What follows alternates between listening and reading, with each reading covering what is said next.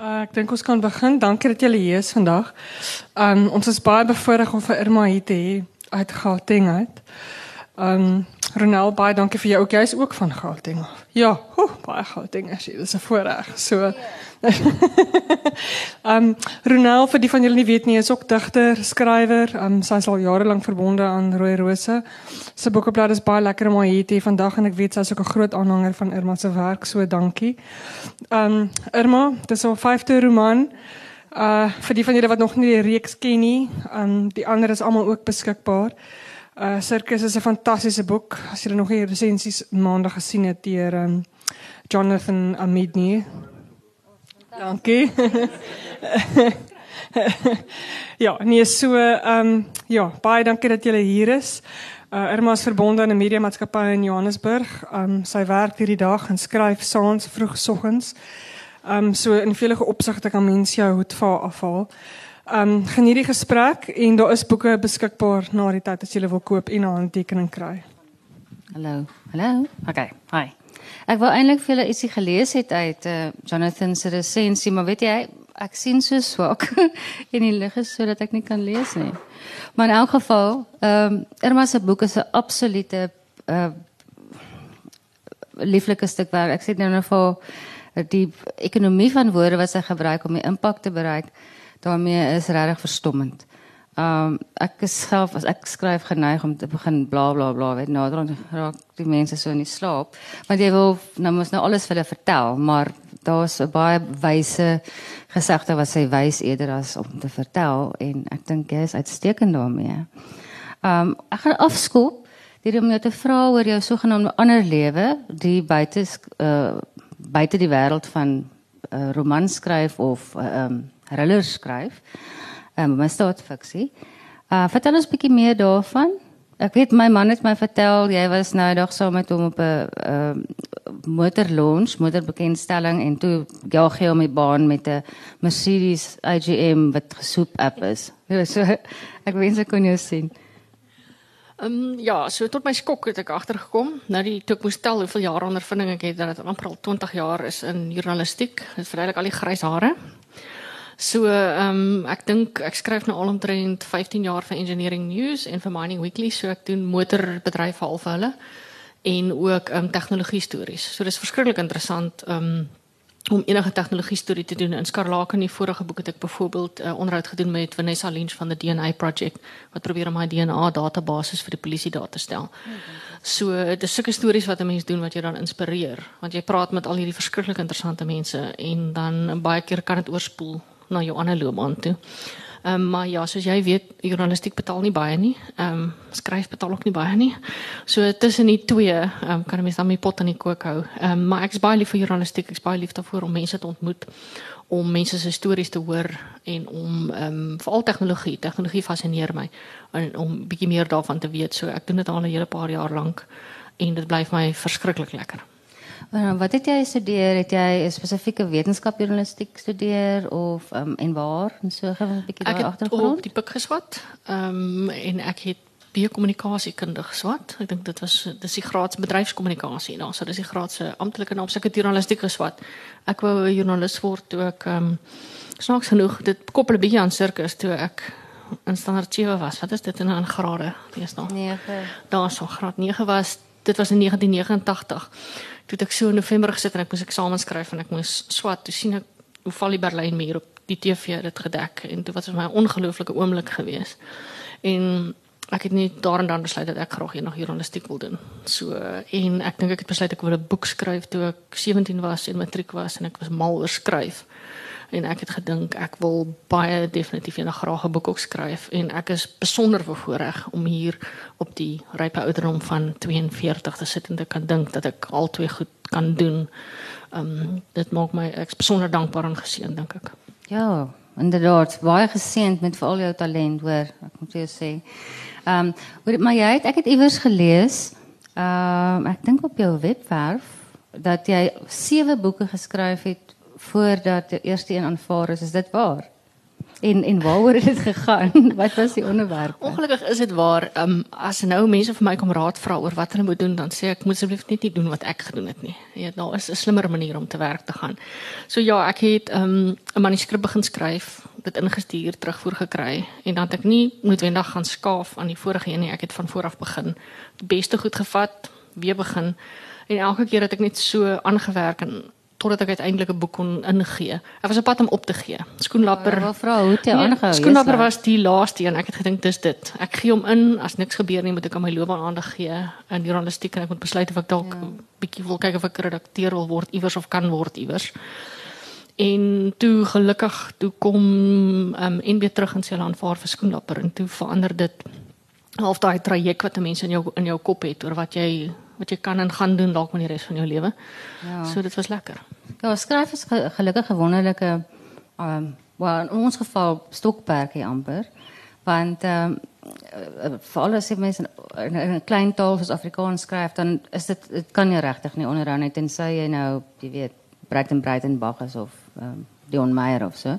Ons hoop jy word Dion Meyer. Ons hoop jy word nee, ons hoop jy word Irma Venter. ek hoop ek word enigiets wat geld maak. Dis reg met my. Dis reg. Ja, dis die dis die groot ding. Ehm um, is dit toevallig dat al jou boeke en ek weet mense het jou dit al gevra, maar miskien weet jy gehoor nie met esse begin. Want dis die eerste ding wat my opgeval het. Toe die nuwe een uitkom, toe lei daar 'n klokkie, maar al jou boeke begin met S. So ons noem dit nou al sommer die S reeks. Ehm um, ja, my skoenlapper het heeltemal 'n ander titel gehad en ek dink ek kon op daardie stadium nie die titel gebruik nie. Dit was ek dink iets met bloed uit te waai en toe het Piet Venter se bloedreeks uitgekom. Wow. Daarson. Oh, okay. Ja, dit was ook, maar bloed was toe die opvolgtitel dink ek en toe sê hy af ek jy sal onthou. So eintlik is dit hierdie proses van afkeer deur my baie gawe uitgewers dat ons uitgekom het by die titel skoenlapper. En toe moes ek ehm um, Ja, skrapnel was nommer 2 gewees. Oh, en toe moes ek 'n titel uitwerk vir die volgende een. En toe het ek letterlik 'n klomp vriende bymekaar gekry vir aandete. Hulle het die hart gevat en hulle het ek het vir hulle gesê soek onder S van nog titels. En toe het hulle vir my 'n lys opgestel en ek werk van hierdie lys af. En ek oh, werk nou nog steeds van hierdie lys af. So ons gaan deur die hele hart gaan. Ek so, jammer as jy een of ander dieper esoteriese betekenis gesoek het. ek het actually ek het eintlik die die die betekenis, alfabetiese betekenis, die die oorsprong van S gaan opsoek. En ek is jammer om vir jou te sê, maar dit is baie eenvoudig soos bak. Jy weet, soos 'n bak. Ja, ietsie wat mense 'n implement wat mense gebruik, maar ja, so gedog ek nie. nee, ek het net gedog jy het gekies om dit weet daar soos jy sê esoteriese 'n bron het. Ehm um, maar uh, voordat ons oor sirkus self begin praat, wil ek gou vir jou vra, wat is jou gunsteling boek sover in die reeks? Want ek vermoed hierdie reeks gaan nog 'n hele paar boeke hê, soos want daar is dan nog op, onopgeloste. Ek dink is my daar's nog 'n paar karakters waarmee ek die storielyn nog graag wil verder vat. So ek het van die begin af gedink ek ek wil graag 'n reeks skryf want ek is 'n mens wat daarvan hou om 'n reeks boeke te lees want ek raak verlief op 'n karakter awesome, en dan wil ek ja. graag weet wat gebeur met die karakter. En ek wou van die begin af 'n karakter skep waarmee mense assosieer of wat hulle graag meer oor wil lees. Ek wil so half 'n uh, liefdesverhouding geskep het tussen die karakter en die leser, want ja. dan kan ons kan mense van daardie af wil jy graag verder weet wat met die karakter gaan gebeur. So ehm um, daar gaan definitief nog boeke wees. Met Essa. Met met Essa, um, ek moet sê ek het met Etienne 'n gesprek gehad daaroor want as ek dit kon oordoen sou ek dit nogal wou oordoen want Kabous het my uitgehaal bietjie uithaal dat Willem Anker se drama's almal met 'n S begin wat ek regtig nie geweet het nie. Ek dink die groter sonde aan my kant dat ek nie geweet het wie Willem Anker was nie. Aan die begin toe ek begin skryf het, ek's jammer, ek's baie jammer, ek's verskriklik jammer. Dit was my en so toe ek begin skryf het, het ek regtig nie dit geweet nie. So, maar is nou te laat om oor te begin. Dit is nou blykbaar die S-reeks en die bemarkers sê dis wat dit is. So, dit is wat dit gaan bly. Ja, ek het um, op 'n stadium uh, was ek by 'n boekmark en ek gaan so deur boeke uh, wys sommer by 'n een of ander vloeimark naby ons. En 'n vrou kom daar aan en sy sê sy soek daai girl, sy kan nie haar naam onthou nie, maar al haar boeke begin met S. En gelukkig weet ek. sê ek, "Wel, Irma vind dit." Iets wat 'n mens help met 'n oorverkoopie of twee. Dis ja, so nee, daar waar daar het een boek in die moed verkoop, ek sê vir jou. Ehm um, in in sirkus gebeur dit uh, uh, eerstens hoekom het jy die sirkus arena Ehm um, of eintlik hierdie is meer 'n burleske uh, tipe van sirkus. Dit speel af in Wes-Berlyn. Ek kan dit seker weggee. Ehm um, dit staan ek dink op die agterblad ook. Ehm um, en en Adriana wat die uh, grootste figurant is in hierdie in hierdie uh, boek, ehm um, is 'n mesgooier. Nou, A wil ek vir jou vra kan jy self mes gooi?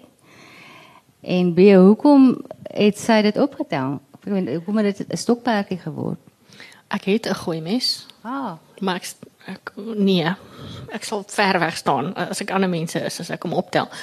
Ehm um, dis bloot 'n bietjie van navorsing. So ek die mesgooi ding met begin Adriana se karakter het begin in Skrapnel. Ehm um, so sy was 'n randfiguur, 'n soort van 'n karakter wat 'n vir klein bietjie verskyn het in hierdie boek.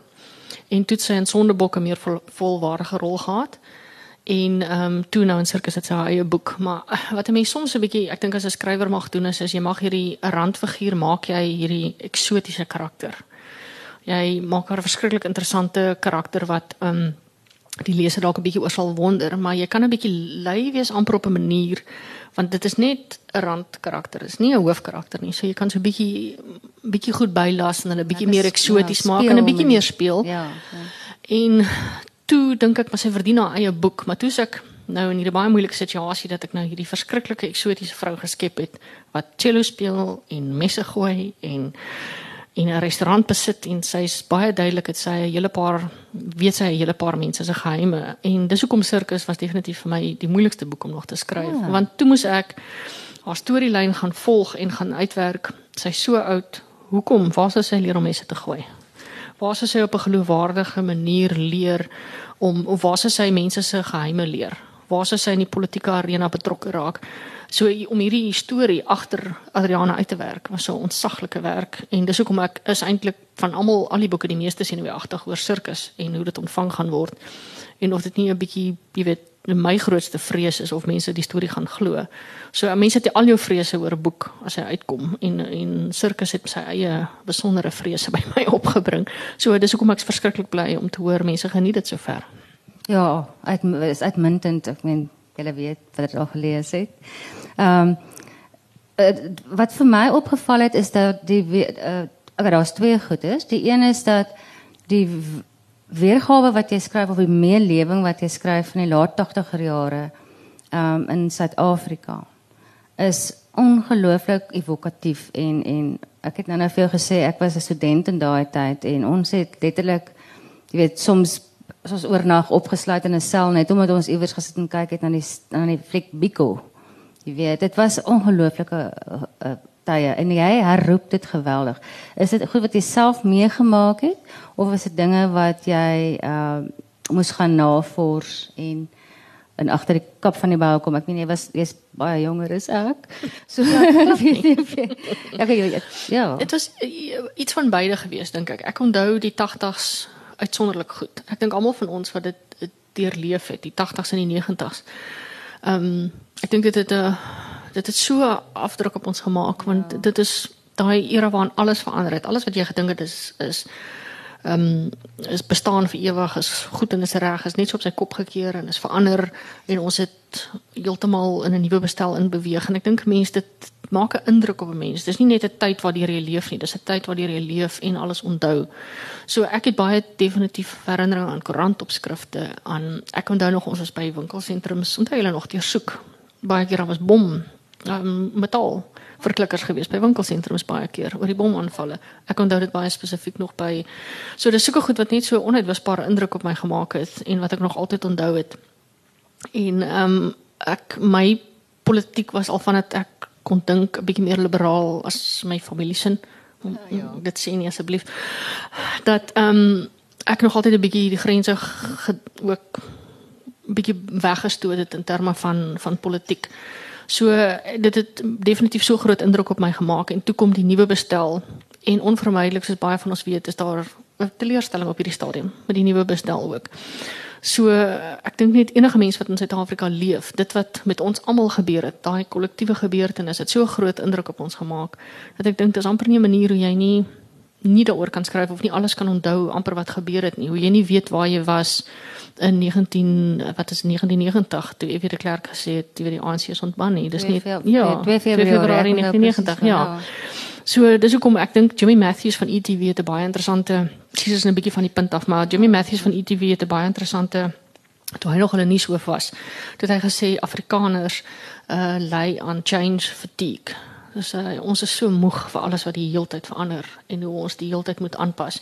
En ek dink nie dit hou op hierdie stadium enigstens op nie. So dis 'n besonderse agtergrond net waaroor ek gaan sit het en gaan dink het toe ek die boek geskryf het. So dis my eie agtergrond en dan het ek ook navorsing gedoen. Ek het met mense gepraat. Ek het mense se stories gaan vra. Ek het vir vir my pa gevra so wat het hy gedink? Ek het vir mense wat ek nie ken nie gevra, "Waar was julle? Wat dink julle? Hoe voel julle?" Ek lees koerantberigte, ek lees wat die politieke kommentators sê. En dan probeer 'n mens op 'n manier oor politiek skryf in daai omstandighede sonder om oor politiek te skryf. Want jy wil nie hê dit moet gaan oor politieke partye nie. Jy wil hê dit moet gaan oor ons almal wat in daai tyd geleef het. En dis belangriker. Ja, dit was 'n dit was 'n groot skok geweest. Ek onthou my my ouers was ook baie konservatief en ehm um, weet en dit was vir hulle vreeslike uh, skok geweest om byvoorbeeld uit te vind en Kosi se Kelele is nie 'n uh, weet 'n oorlogskreet nie dat is eintlik 'n gebed. Jy weet, en dit is uh, want dit is hoe sterk die propaganda masjien gewerk het. Maar ek dink wat jy doen en wat jy regkry in die boek is om dit so te verweef dat dat daai images, daai beelde wat ons het van daai tyd en en en hoe ons self dit ervaar het weer onthou en selfs 'n sprankie hoop by jou te bring. Jy weet, Ja, ek dink as 'n mens altyd dink aan wat ons al oorleef het, dan moet, is eintlik niks so erg as wat ons klaar oorleef het nie. Dit wat ons klaar deur is, niks is so erg nie. Maar ja, so eh, ek wou definitief nie die omstandighede of die politieke soort van 'n karakter maak in die agtergrond. Die hoof hoofverhaal is Adriana. Absoluut. En hoe sy die ou bestel en die nuwe bestel navigeer en hoe sy oorleef ja en groot ja. word binne binne hierdie bestel want ek is nie dapper genoeg om 'n politieke boek te skryf nie.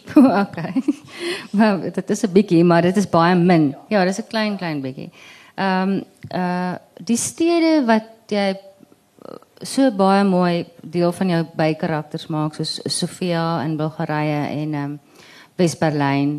Was jy self daar? Want dit dit voel of jy self daar moes wees of mens voel of jy daar is al word dit nou nie in detail beskryf nie, maar nou zeitgeist mm -hmm. en en en die uh, veral die burleske onderwêreld in in Wes-Berlyn. Dit is absoluut heerlik aangebied. Ek is uh, met my motorbedryf en soos jy weet soms ek ry self ook. So en met die motorbedryf kry mense soms kans om te reis. So ek gaan so ek dink twee keer 'n jaar omtrent Duitsland toe. So ek is baie gelukkig dat ek kan skryf oor Berlyn.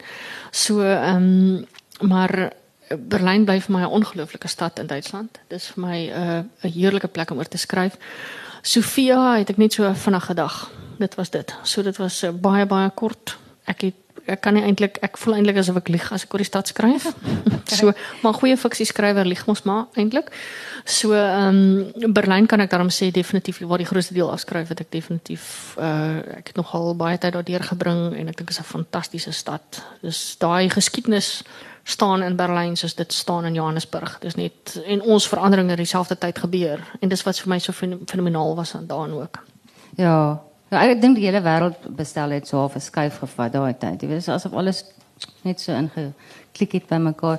Uh, in dieselfde uh, in 'n vroeëre boek gebruik hy Dar es Salaam in Tanzanië. So ken jy die plek ja, ook baie? Ja, ek was dit was een van die beste stories wat ek nog ooit gedoen het. Ek is na uh, die Tanzaniet myn. Ek weet nie of julle Tanzaniet ken nie. O ja, blou klippies. Ja, daai blou klippies. Daar's net een myn in die wêreld waar dit vandaan kom en dit is aan die voete van Kilimanjaro. So ek is soontoe Dar es Salaam, Arusha, Kilimanjaro af met die myn. Dit was 'n ongelooflike ervaring geweest en dit het so groot indruk op my gemaak. Daai skoenlapper migrasie waarna ek skryf ook um, met ek kon sien en kon meemaak. En dit was net ja er, ek dink reis en om 'n verskillende milieu te ervaar maak net iets in jou kop oop. Dit is so inspirasie vir 'n boek dat ek ja ek hoop ek hou nooit op met reis nie. Ja ek wil ook reis.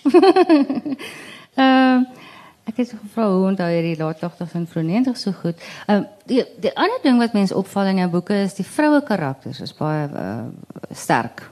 Wat natuurlik Gister was internasionale Vrouedag, ons voel baie lekker daaroor. Ehm um, maar uh, het dit doelbewus so gebeur of is dit maar net uit 'n vroue oogpunt dat jy voel jy kan in 'n vrou se kop beter klim as in 'n man se kop? Ek dink ek het doelbewus sterk vroue karakters geskep. Dis vir my uh dis iets wat ek graag lees. So ek dink my heel eerste moordstorie wat ek gelees het wat ek baie geniet het was Sarah Paretsky se boek as hy in die 80's begin. Ek dink in Amerika voor dit nog verskriklik gewild was. Hy het die V.I. Wachowski boeke geskryf. Ek dink dit het later 'n fliek geword. So en ehm um, dan lees 'n mens Patricia Cornwell en al daai boeke en ek, ek wou graag 'n Afrikaanse moordstorie lees met 'n hoofvroue speler of hoofvroue karakter so. En dan as 'n mens so iets begin soek, dan begin jy maar so iets skryf naderhand ook. So dit was vir my net ontsaglik lekker. So dis my lekker om te speel. Ek dink Skrapnel, die terugvoer wat ek gekry het, ek dink dit was van Franco Bloemhof geweest wat vir my gesê het dis interessant dat Ranna vir Alex red, Alex nie vir Ranna nie. So ek het dit definitief omgekeer en ek wou dit so skryf want ek het gedink hoekom kan 'n mens dit nie alles op sy kop keer en net ehm um, vir vir vroue karakters net bietjie van 'n sterker rol gee nie. Ehm um, so ek hou baie definitief van sterk vroue karakters, sterk vroue karakters in speurverhale en ek dink die tyd het aangebreek. As 'n mens kyk na die moderne zeitgeist dan is dit mos nou waar is in TV. As 'n mens dink aan al die TV-reekse wat uit is, films, boeke, dan dink ek is definitief ons tyd het aangebreek. Ja, it's our time now. Ehm uh, die die die om verskillende stemme te gebruik in jou boek. Jy weet so ek ek geniet dit verskriklik want dit is ek partykeer as jy 'n boek lees en dit is net uit die een karakter se oogpunt raak dit nogal ehm um, frustrerend. Dis die beste woord om dit te beskryf. Ehm um, en jy in, in een van die boeke het jy selfs vier stemme. Ehm um, en in hierdie een is daar me, meestal twee en dan so klein bietjie van nog 'n persoon. Ek wil net te veel weggee oor nuwe nuwe karakters en wat nou opgebou is deur die eh, deur die jare in haar boeke nie. Maar ehm um, hoe het jy tot daai besluit gekom baie maklik? Ehm um, of wat het jy die besluit laat neem? So okay, ek ek gaan net iewers begin so lei my net terug as ek afdwaal. Ja, ja, toe ek is. die met die boek begin die ek begin skryf, toe ek besef hoe baie besluite mense in jou eerste sin neem wat ek nie geweet het vooraf nie. In jou heel eerste sin besluit jy watter tyd jy gaan skryf, watter perspektief jy gaan gebruik, wie jou hoofkarakter gaan wees, van waar die boek gaan wees. En dit was 'n enorme hoeveelheid inligting wat jy omtrent al kan gee binne die eerste paragraaf. En toe ek net ophou dink daaroor en begin skryf, het ek begin met 'n ek-verteller en dit het vir my gewerk. Dit het net vir my gewerk, dit het my reg gevoel. Die groot uitdaging dan met ek karakters dat jy soms 'n manlike karakter moet skryf en dan dink ek moet jy soms besonder oortuigend probeer wees. So dis moeilik. So daar's 'n sekere tipe manlike karakter wat ek weet ek nie sal kan skryf vanuit die ek perspektief nie. Ehm um, ek sou versigtig vir ehm um, byvoorbeeld 'n swart karakter want wat weet ek nou van uh, jy weet 'n swart uh, swane man of ek voel ek moet ek sal moet lieg so dan voel ek ek kan eerder nie dit doen nie. So dit beperk mense 'n bietjie in terme van die karakters wat jy kan kies maar dit laat jou toe om lekker met inligting te speel. Want 'n karakter kan net vertel wat hulle beleef en ervaar. En so jy kan speel met die vrystel van inligting wat jy vrygee. Daar's nie hierdie alomteenwoordige verteller wat vir jou kan vertel wat die moordenaar dink. So elkeen het sy voordele maar die ek verteller laat my toe om bietjie te speel van hierdie perspektief hoe hulle hierdie spesifieke situasie sien dan hoe 'n ander karakter 'n ander situasie dieselfde situasie sien. En dan kan 'n mens so stadig maar seker die inligting vrystel. En 'n groot deel van 'n speurroman is mos maar hoe en teen watter tempo jy die inligting vrystel. Ja, en ja, letterlik om die spanning te veroorsaak en ook 'n oplossing te bied. Ehm um, wat ek ek het presies baie vrae neergeskryf. Jy moet my asseblief stop as jy self ook wil vra vra. Ehm um, wat is jou volgende stap? Ek moes dalk hier in die einde gevra het, maar wat is jou wat het jy al begin skryf van 'n volgende boek? Wat begin dink daaraan? Het jy die hele wat is die proses met ander woorde? Het jy die hele ding van vooruit geplot. Ehm um, of kom el, bied elke volgende boek homself aan as gevolg van die vorige ene? Hoe werk jou proses? Ehm um, so ek het as ek 'n boek skryf, moet ek twee volgende boeke in my kop. So ek sal twee volgende storie idees vooruit wees en ek dink die dag as ek weet ek het nie meer twee storie idees nie, dan weet ek ek gaan klaarmaak en ek gaan moet op skryf. Ehm um, So die volgende boek se naam is Voorlopig Sondag. As jy nie weet die titel verander nie. sy naam is Sondag. Ehm uh, hy is die eerste weergawe is voltooi. So ek is besig om hom te herwerk. So ek weet nie as alles baie baie goed gaan dalk volgende jaar kan hy dalk uitkom, ek weet nie. So ehm um, dit hang af hoeveel veranderinge mense met ander, jy weet mos hoe die proses werk. So en dan ehm um, ek dink as ek Sondag sal kaptein AJ Williams wees wat in Sondebok verskyn het en uh, Alex en dan die volgende boek het ek ook reeds 'n idee wat ek wil doen. So um, ja, soos ek sê, as 'n mens as ek hierdie interessante karakters het, is is vir my is dit vir my natuurlike volgende boek lê vir my reeds daar want 'n mens weet wat die idee gaan wees. Ek skryf ook vir my eie plesier die titel van die volgende boek in die vorige boek. O, maar ek het dit gemis. Ja, so die woord verskyn Oh. bloot. Die woord verskyn. Die woord verskyn in die boek. Waar skarlaken en sirkus? En ehm um, Sarah praat van daar's 'n sirkus van vingerafdrukke in die motor binne Skarlaken. Dis baie klein verwysingkies. Dis sulke klein goedjies wat 'n mens ja, doen Wat noem hulle dit? om jouself te vermaak. Ja. Dis jy vermaak jouself daarmee as jy as jy dit. Maar nee, ek dink niemand niemand weet nie. Ongelooflik, maar dis vir my eie plesier wat ek dit sommer net doen. Dit is fantasties. Ek sal definitief nou almal weer moet gaan lees. ja, jy jy voorspel net dalk die volgende titel ook in jou boeke, nee. Sirkus, ek dink Sondag verskyn, die woord Sondag verskyn in sirkus, ja, dink ek. Ja, dit is 'n dag van die week, Ja, maar ek nee, meen dis hoekom ek sê, dit is so Ek klein plesiertjie. Jy weet niemand niemand sal weet nie. Ja. So dis dieselfde ek het 'n hele toneel in sirkus wat ek moes beklei om te hou, net omdat ek gedink het vir mense wat voorheen van oor Adriana gelees het, sal daarvan hou om te weet. Ehm um, die uh, die protokol spesialis wat ingeskryf is, dis daar's nie eintlik regtig 'n verskriklike doel aan daai kort paragraafie nie. Maar as jy die hele reeks gelees het, sal dit vir jou dink ek plesier gee om te weet ehm um, waar dit vandaan kom. So en dan ja. sit sulke goed wat 'n mens spesifiek inskryf net vir mense wat al die hele reeks gelees het. So dan wil ek graag ook net vir hulle daai plesier gee van hulle wat al die moeite gedoen het om die boeke te lees. Fantasties.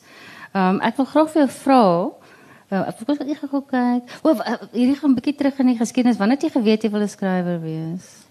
Jy het gesê toe ek jy matriek met verniet ja, televisie gekyk, maar dit was dit was journalistiek. journalistiek. Dit was Ja. so ehm um, ja, ek moet maar hier grade, graad 11 vir graad 12.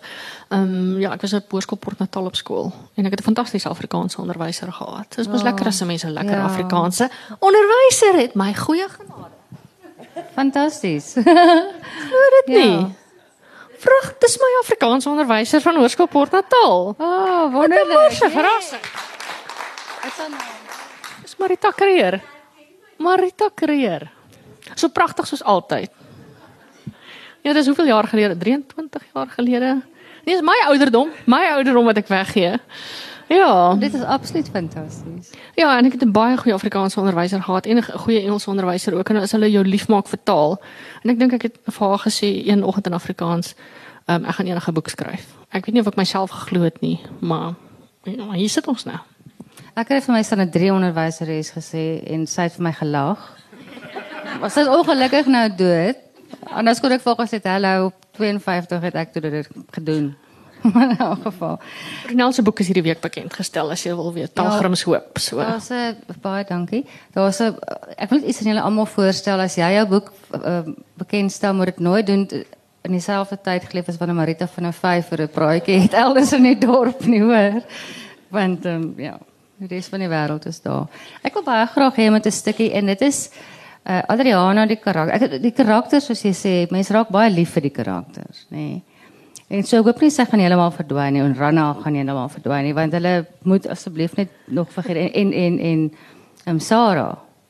Ek het nog planne vir almal van hulle so. O, uh, okay. Ja, ek het Ja. waar het ek En dit eendag gaan soos die Keerboslaan reeks daar. Behalwe dit speel Cops en Robbers en nie weet. 2 jaar gelede by 'n bekendstelling toe sê ek ek weet nog nie wat met die karakters gaan gebeur nie. Ek dink ek gaan wie weet of Rana dit gaan oorleef. Toe was daar hierdie tannie wat so ontsteld was met my. Oh. Sy was so kwaad vir my. Sy sê ek mag nie vir Rana doodmaak nie. Hoe durf ek dit doen? Dit mag nooit gebeur nie. So ek is bly daar's mense wat vir die karakters lief raak. Natuurlik maar as mens werk daarvoor om mense vir karakters lief te maak, dan kan hulle baie maklik 'n karakter haat ook en dan ophou met die reeks. So mense vat maar, jy weet, jy vat altyd 'n kans op 'n of ander manier. Jy moet altyd die ongeliefde karakters doodmaak. Ek meen dit is die krag van die pen is sterker as die van die swaard, nê.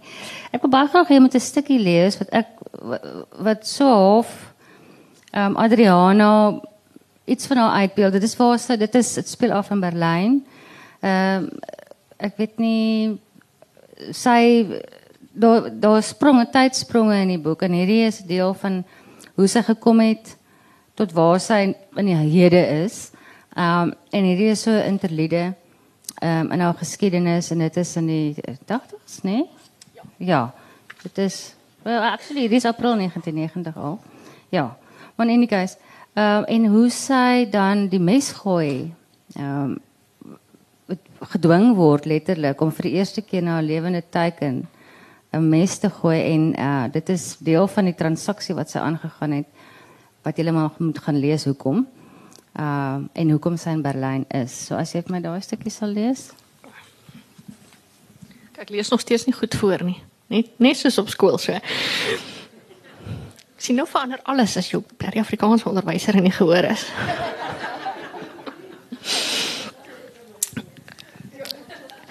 Kan ek 'n tyd 10 kry na die tyd?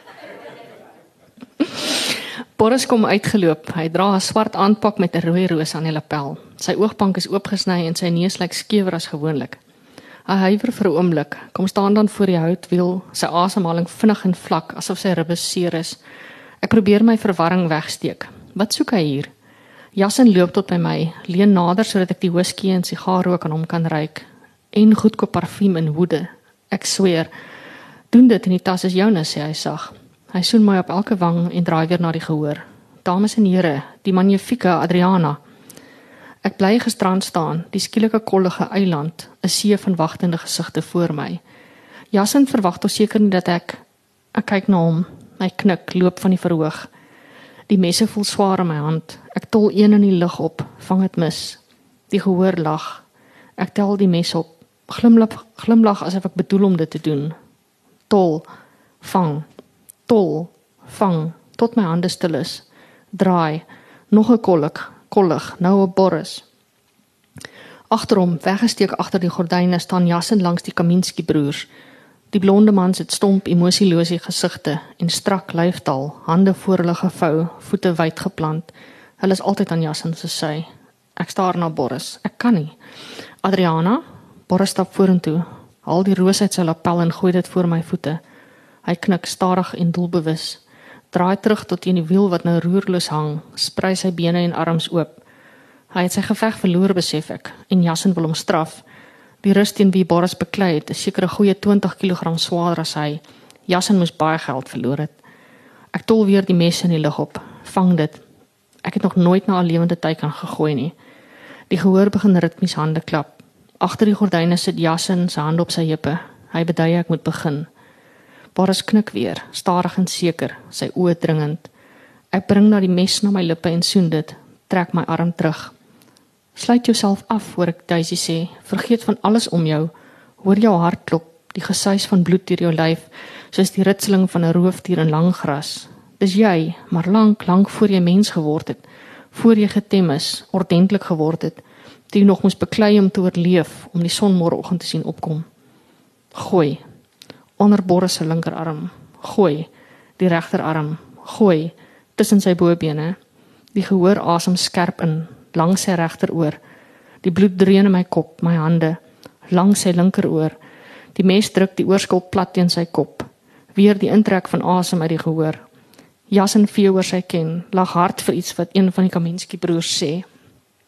Ek draai na die gehoor en buig die laaste mes in my hand. Ek kom vinnig regop, tol, gooi. Die mes skop in die houtbebare se kop vas. Die lem wat 'n paadjie deur sy kort geskeurde hare sny. Die gaste spring op van hulle stoele. Hulle klap hande en roep luid. Ek stry teen my hortende asem, my bene wat al weghardloop. Ek buig weer, roep vir Boris nader en buig saam met hom. Sy hand is stil, kalm in myne, asof hy nooit aan my getwyfel het nie. Een laaste buiging. Ek kyk vinnig suidelings woedend na Jassen, gaan neek met iemand anders se kop. Pragtig, né? Ja, daai tipe spanning sal jy regdeur die boek vind. Ehm um, Irma het my voor die tyd vertel dat dat aanvanklik was hierdie boek baie baie kompleks. Ehm um, die plot of die spanningslyn en so aan en die in, in verweefdheid en so en ehm um, wat is baie kompleks en ja, want hy's nog steeds bietjie kompleks, maar dit is ma maklik volgbaar as mens jouself net, jy weet, in elkeen se kop sit saam met die skrywer dan dan raak ek moet 'n bietjie teruggaan en gou weer gaan kyk ja. wie praat nou. Yes, maar ehm um, is uh, uh, uh, wat was die kompleksiteit mag ons weet en en hoe het jy dit uitgesort? was 'n ekstra laag, ekstra verhouding in die boek gewees wat ek um, moes uitsny want die kritiek was dat die boek te kompleks was en ek verstaan dit. So as 'n mens mooi daaroor gaan dink en nie te heilig is op wat jy geskryf het nie, dan besef jy dit. En as ek selfs nou nog met dit uitgestroop, soos jy sê, moet 'n mens nou nog soms bietjie mooi kop hou. So dis definitief dink ek die mees komplekse boek wat ek nog geskryf het. Ehm um, ek is geneig om dit soms te doen. So ek dink Skoenlapper was 40000 woorde langer. Dit was 'n 120000 woord boek. Verskriklik. Daar was ook 'n hele ander storielyn in. So en Sondebok het 'n uh, eh, nog 'n storielyn gehad. So ek dink ek neig hopeloos te veel om te kompleks te skryf. En dan is dit goed as iemand buite kan staan en jou redakteur vir jou kan sê of jou proefleser vir jou kan sê sny dit net mm, 'n um, bietjie uit. So uh, ek jammer as ek my lesers 'n bietjie hard laat werk, maar ehm um, openlik nie te hard nie. Ja, ek dink dit is baie goed. Ehm um, ek wil vir gehoor vra of daar enigiets van julle wat 'n vraag wil vra en as daar nou nog 'n opkom in my kop gaan ek jou 'n vraag daaroor. Sal enige mense? Hoe dink ek hierdie antwoord? Ehm um, ek is nie 'n natuurlike verhoog persoonlikheid nie. So hierdie is nie vir my verskriklik gemaklik nie. Um, maar ek bedoel as julle almal die moeite doen en julle stel belang, dan sal ek my absolute bes gee. So dis my natuurlik. Die punt waar ek regtig geïrriteerd raak met die teks is as ek dink net voor ek dit instuur en ek gaan omtrent vir die 11de of die 12de keer radeer en dan raak ek so gefrustreerd met net die feit dat ek net weer en weer en weer daaroor moet werk. Die eerste keer is lekker jy skryf dit, die tweede keer skuif jy goed rond. Die derde keer is nog okay, daarna begin dit regtig harde werk raak. Ek bedoel dan moet jy regtig, ek dink Martin sal weet, né? Dan moet jy regtig net hard. Ja, ek onthou stories van jou eerste boek, ja. Dan jy regtig net hard werk, dan raak dit werk. Dan is jy nou amper al verby die skepingsproses en dan weer eens as jy saam met jou uitgewers werk, dan werk jy weer en weer en weer daaraan. Ehm um, so daar kom op 'n punt 'n irritasie vlak waar dit net vir jou voel. Dis soos jy weet regtig maandeinde alweer. Tipe van ding jy weet en dan ja dan, dan raak dit net verskriklike harde werk. Maar dis ek dink is baie belangrik dat 'n mens nie ooit te geïrriteerd raak met jou werk nie want as jy op daai punt is die gevaarlikste punt want dan kan jy iets miskyk en almal kan iets miskyk. En uh, dit's dis verskriklik as daar 'n fout in 'n boek is. Dis dis nie erg want jy kan nie teruggaan en dit regmaak nie So ek dink dit is altyd belangrik om net die paas te haal en net vir jouself daai irritasie te verteer en maar net hierdie nie die werk te gaan en dit te doen. Ek wil gou ietsie vra wat aansluit by jou. Het het jy ooit weer het jy daai boek gelees in in sy gedrukte vorm? Nee. Ja, ek lees die boek as hy uitkom dan wil ek, maak hom nie oop nie. Ek is net glad nie. Ek wil nie ek hoop maar as daar 'n fout is, dan gaan iemand vir my bel of vir my sê daar's 'n fout. Ehm um, ek dink die heel eerste boek het Deborah het 'n stukkie daaruit gelees, Steinmeier en sy het ehm um, Steinmar skestel, wat nou vir my. En sy het 'n so gelees wat 'n sou moes wees. Ek ek dink dis maar dis die enigste een waarvan ek weet en van die res bly ek onbewus en dis reg so. Ek dink selfs enige ander vraag? Spanningsverhale ek om weer, net wie weer terug te gaan na iets wat Sofia Kap gesê het dat ek vir jou gesê het oor liefdesverhale. Hulle het hulle eie spesifieke uitdaging. So jy begin met twee mense wat mekaar haat jy almal weet hulle gaan by mekaar uitkom, maar jy moet vir 200 bladsye tog nog almal laat wonder of dit gaan gebeur. En nog steeds moet jy hierdie boek optel. So spanningsverhale het hulle eie baie spesifieke dink ek uitdaging van jy moet iets skep van die begin. Uh jy begin amper by die einde. As dit sin maak, jy begin by die die moord en iets wat gebeur het en dan werk jy terug in toekomstige tyd of vorentoe, werk jy terug om uit te werk wat gebeur het.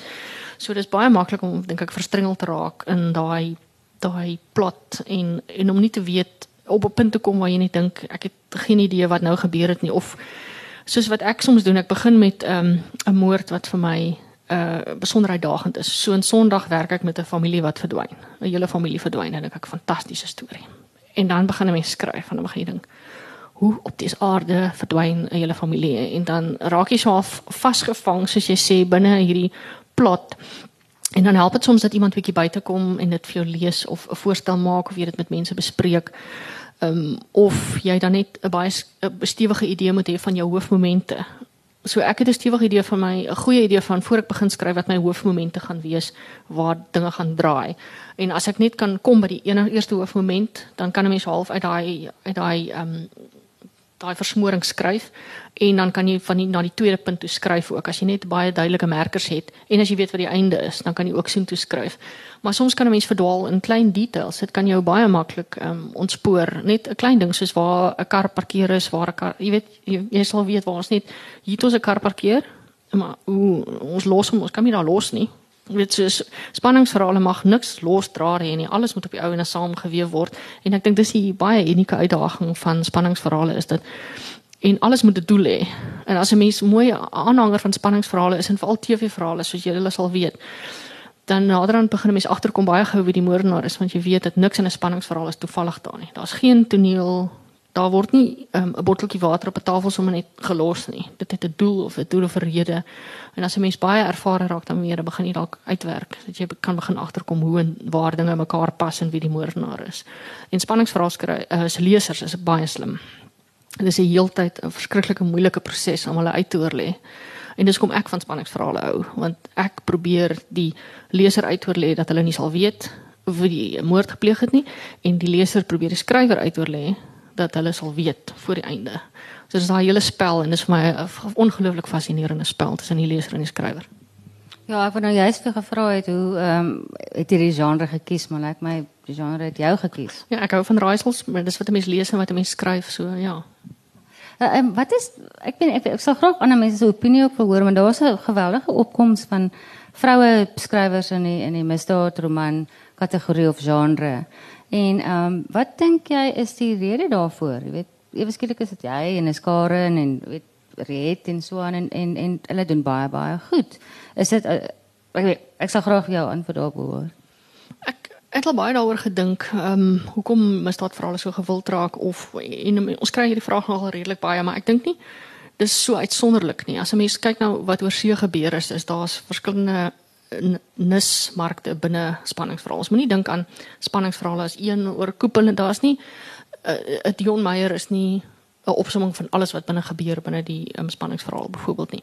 Daar's die romantiese spanningsverhaal, jy weet daar's die um, sielkundige thriller, daar's die polisieprosedure verhaal. So daar's so baie tipes spanningsverhaal en ons is besig net dink ek om elke nis vol te maak in Afrikaans. So dis regtig nie ek dink dat daar hierdie oorvloed van aanbod is van misdaadverhaal. Ek dink ons het net mense wat sien daar's 'n nis, hulle hou van daai nis, hulle skryf van daai nis en ehm um, so ek dink daar's byvoorbeeld een wat ons nog nie het nie en dit is daai militêre aksieverhaal wat ons oorsee het ons daai Navy SEAL of die, soos daar's nog nie 'n polisie taakmag storie in Afrikaans nie. Ek dink is nog 'n nis wat ons kan volmaak. So ons maak bloot dink ek daai daai nismarkte vol en ek dink die vroue skrywers ook as as 'n mens dink aan uh, meeste van kyk na die gehoor hier om ons as vrouens wat lees, so jy skryf bloot vir die mark daar buite. Ja, miskien sal hy nie noodwendig nie, maar dit ek ek dink dit het maar net so gebeur, jy weet dit dat ehm um, want beslis die meerderheid van lesers is vroue. Sover ek verstaan in ja. Afrikaans is dit die geval, ja, en definitief. Nelleke sou ons ja, kon. Ek dink Nelleke sou ons ja, maar dit is ja. so. O, die antwoord was ja. Ja? Juffrou? Sondag is klaar. Hy's nee nie klaar klaar nie, maar die toe ek ek is hy's geskryf en ek's een keer deur hom, maar ek omdat ek voltyds werk, gaan ek nog 10 of 11 keer deur hom moet gaan. Letterlik. So dit is nog 'n baie lang pad. Ehm um, as ek begin skryf het ek uh, ja, ek het 'n goeie idee van wie die hoofkarakters gaan wees. Ek kies hulle. Ehm um, ek weet wat die storielyn gaan wees en ek begin met 'n idee. Soos ek sê, hier was my idee. Die groot uitdaging van as 'n mens so amper elke jaar probeer om 'n boek uit te bring en voltyds werk, is dat jy albei gelyk doen. So wat ek doen is ehm um, ek stuur die manuskrip in. Uh NB sit met hom vir 'n paar maande, hulle keer hom, hulle kyk na hom en dan begin ek letterlik 'n dag of twee later met die volgende manuskrip. En dan begin ek en ek werk aan hom dan stuur hulle van die manuskrip terug. Ek werk weer aan hom. Ek moet maar net baie baie mooi kop hou. so ek moet letterlik baie mooi kop hou. So dit vat so 'n dag of twee net om dis hoekom ek baie keer musiek gebruik soos ek al vir mense gesê het. So ek koppel musiek aan 'n karakter. En dan voor ek die nuwe boek se manuskrip sal begin of moet oorslaan na daai manuskrip, sal ek vir 2 dae daai musiek luister, net om 'n bietjie los te maak van die ou boek en om in die nuwe karakter se koppe te kan inklim. Dis net 'n metode net om my te help om dit te kan doen. So op hierdie stadium werk ek baie produktief en ek's baie geseën soos ek sê, maar jy weet mense dinge loop skeef, mense raak siek, goed gebeur. So op hierdie stadium gaan dit baie goed en ek kan dan albei gelyk werk, maar ek weet nie mense kop raak vol. Ek weet nie hoe lank dit gaan hou nie. Sal ek nou hier sit as ek 'n kieberkraker was? Al is met jou Porsche aangekom, hè? Ek sou met my Porsche aangekom het. Ehm um, Ek het 'n uh, hele artikel gedoen oor ehm um, kubermisdaad. So uh, my werk laat my toe omtrent enige tipe artikel te kan skryf en te kan navors. So voor ek Sera geskryf het, het ek hele hierdie hele artikel gedoen oor kubermisdaad en ek het ba baie interessante mense ontmoet.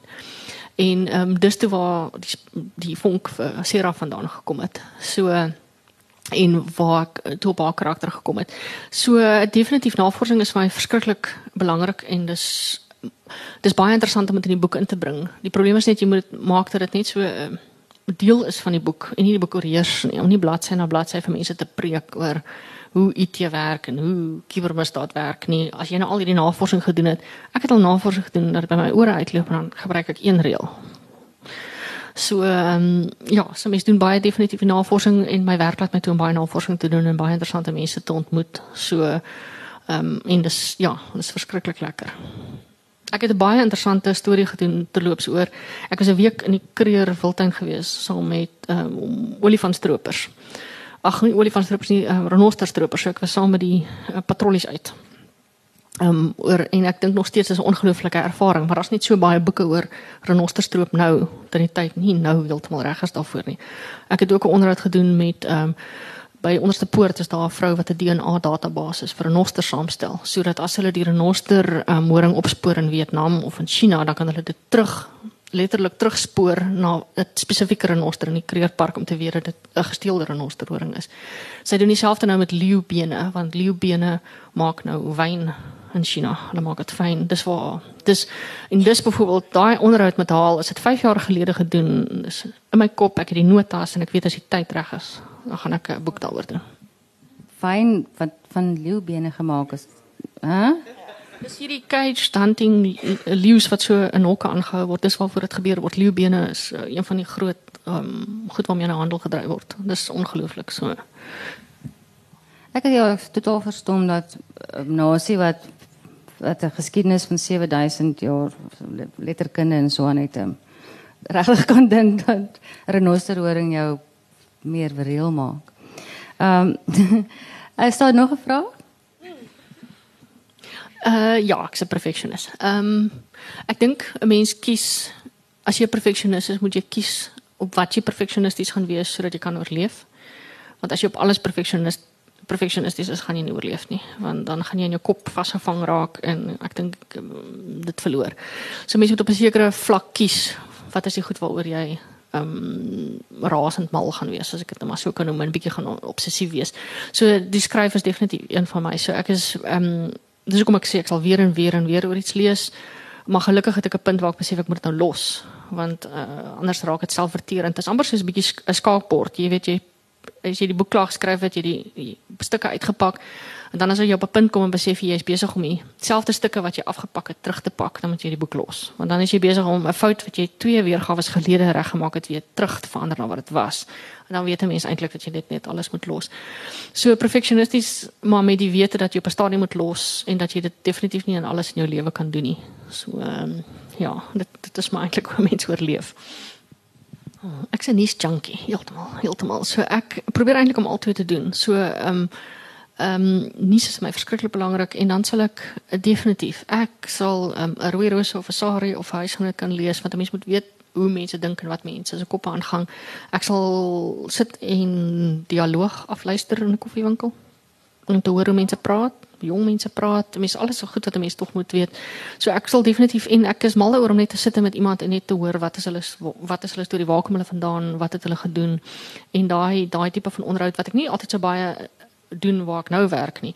Maar dis vir my 'n ongelooflike interessante ehm um, dis nie 'n ongelooflike interessante verhaal soos ons het Suid-Afrikaner wat van NASA werk. Um, ek dink hy was hier op Stellenbosch dokter Japie of iets. Hy werk in in ja hy werk vir NASA. So sulke mense as jy onderhoude met hulle doen is dit net ongelooflik. As jy met Vanessa Lynch van DNA project hoor dan hoor jy haar paas vermoor. En sy was ongelooflik geskok geweest oor hoe die polisie die moord aan haar hanteer het en hoe hulle net nie DNA ingesamel het nie en dis waar haar passie vandaan kom om dit te doen dan raak dit half ietsie van beide Ek kan vir julle vertel wat met die sewe gebeur het. Een van julle het dit seker al gehoor. Ek het getrek van Capital Park Centurion toe. Ek het 'n oop bakkie gehad. Ek het deur Maraba stad gery. Dit was 7 uur agter die aand, was donker. Ek het by verkeerslig gestaan. klim iemand op die agterkant van die bakkie. Ek staan so by die verkeerslig en ek kyk so vir hom in die spieeltjie. Ek kan nie uitklim nie. Vrou alleen in hierdie bakkie, donker. Hy tel al die bokse so op. Hy vat die swarte boks. Klim af, hardloop. Daar gaan my sewe manuskripte. Ek het nie geweet wat nie. Toe ek by die huis kom, toe besef ek hy het die swarte boks gevat. Fantasties. Ek hoop dit hou jou warm vir 'n uur lank. Ek weet nie wat jy daarmee gemaak het nie, maar hy het dit gesteel weg, manuskripte weg. So dit was nog, ek dink dit was die floppies was nog dit was nog floppy disks. Floppies is ook weg. Maar ek is nie spyt daaroor nie want jy vat uit elke boek die beste en jy gaan aan na 'n nuwe boek toe. Ehm um, so wat ek ongelukkig deel van die perfectioniste perfectionist wees is dat ek nie iets halfpad los nie. So ek sit eerder en ek dink goed en ek maak klaar. En ek so ek het nog nie iets halfpad gelos en dit net daar gelos nie. So ongelukkig het ek nog elkeen klaar gemaak. Ek soos ek sê as ek vir mense nou met raad gee, dan sal ek vir hulle sê skryf halfpad gaan kry iemand se raad, gaan na 'n skryfskool toe. Ehm um, ek sal definitief iets anders vir mense aanbeveel as om net soos ek dom heeltyd in die muur vas te hardloop. Uh, irriteer dit jou as mense ehm um, na jou verwys as jy is die nuwe Stieg Larsson, jy weet of Sarah is soos Lisbeth Salander of of daai tipe van goeters want ek meen hierdie is tog karakters wat in jou eie kop gebore word, in eie siege. Uh, ek dink 'n mens mense sal altyd 'n bietjie van jou eie skrywer wees. Jy wil graag ehm um, vir jouself vir jou, om jou rede jouself bekend wees, maar dit is eintlik maar 'n bietjie onmoontlik. Want daar's sekere karakters wat maar herhaal binne spanningsverhale. Ek bedoel, ons het 'n kuperkraker, jy het 'n speurder, jy het die dronkspeurder, jy het die wat ook al. Dis nie dis nie goed wat definitief maar op 'n manier voorkom in elke boek en elke. So dit maak nie eintlik aan my saak nie. Hoe ook al mense daarna verwys ehm um, is nie vir my 'n uh, negatiewe punt nie. As as hulle sê dis 'n Stieg Larsson want hulle het van Stieg Larsson gehou, dan maak dit nie aan my saak nie. So ja, ek ek dink van die joernalis van 'n joernalis se oogpunt af wat wat wat mense probeer doen is om vir vir die leser 'n idee te gee van sê maar jy hou van Karen Breinhout of die persoon of Stieg Larsson, dan gaan jy van hierdie tipe skrywe hou. Jy weet of dit behoort jou Ek, ek kan vir jou sê wat my so 'n verwysingsraamwerk. Wat my soms irriteer is en dit het nog ongelukkig nie met my gebeur nie, maar dit irriteer my as iemand byvoorbeeld 'n romantiese spanningsverhaal geskryf het en iemand in die koerant sal sê dis nie Dion Meyer nie. Dan dink ek, maar dit is nie Dion Meyer nie. Dis nie dit het geen ambisie om Dion Meyer te wees nie. Dis 'n romantiese spanningsverhaal. Vergelyk dit eerder met iemand anders. Moenie daai vergelyking maak nie want soos ek gesê het, ons het spanningsverhale is nie daar's nie een tipe spanningsverhaal nie. So ek weet ons mense wil net 'n bietjie begrip hê van veral soms resensent net 'n begrip hê van hoe wyd ehm um, die die genre is. Ja, ek dink dit is 'n redelike nuwe genre in in wel redelik net in Afrikaans is is ehm um, in vergelyking met die res van die wêreld en en en mense begin nou eers daarin insink en begrip toon vir ja. Ons moet klaar maak sê hy. OK. OK. O, hy het gesê sy daar sit met ons klaar maak. OK. Ons maak klaar. Baie baie dankie dat julle gekom het. Uh, o, jy vra. Ek dink jy sê ons moet klaar maak. Ek sê as jy daar sit moet ons klaar maak, maar okay. Ehm um, ek sê nie ek is 'n skrywer nie. ja, alle eerlikheid antwoord ek sê vir ek se joernalis. Ek dis net dis vreemd, ek weet, maar ehm um, ek dis amper soos om te sê jy's 'n dokter by 'n braai. Uh, want almal iets vir iets wat hulle dalk wil 'n storie of iets en dan voor jy weet, se staan nie die hele hand en probeer raad gee. Ehm um, so dis dis een van die goed wat net so 'n klein bietjie moeilik is en ek weet nie ek weet nog nie eintlik of ek my kop heeltemal aan myself gedink het as hierdie skrywer nie. Ek weet eendag as iemand my vra wat doen jy en ek sê ek is 'n skrywer dan gaan ek weet iets het verander. Maar op hierdie stadium sê ek maar net vir mense ek sê ek sê joernalis maar baie keer sal jy agterkom hoe min mense in Afrikaans lees want jy sal besef dat mense nie eintlik Afrikaanse skrywers ken nie. Die mense hier in by die woordfees, hulle ken Afrikaanse skrywers, maar meeste mense het eintlik geen idee wie skrywers is nie. Probeer vir hulle sê jy's 'n digter. ja, shame, julle arme digters. Gewoonlik die oë na hemelwaarts geslaan, een van daai. Ek baie baie dankie dat julle gekom het. Irma se boeke word voorverkoop, nê? Nee? Um, en dan sal sy sal ook bystaan om haar befaamde handtekening. Baie dankie dat julle hier was. Hoor, ek waardeer dit verskriklik.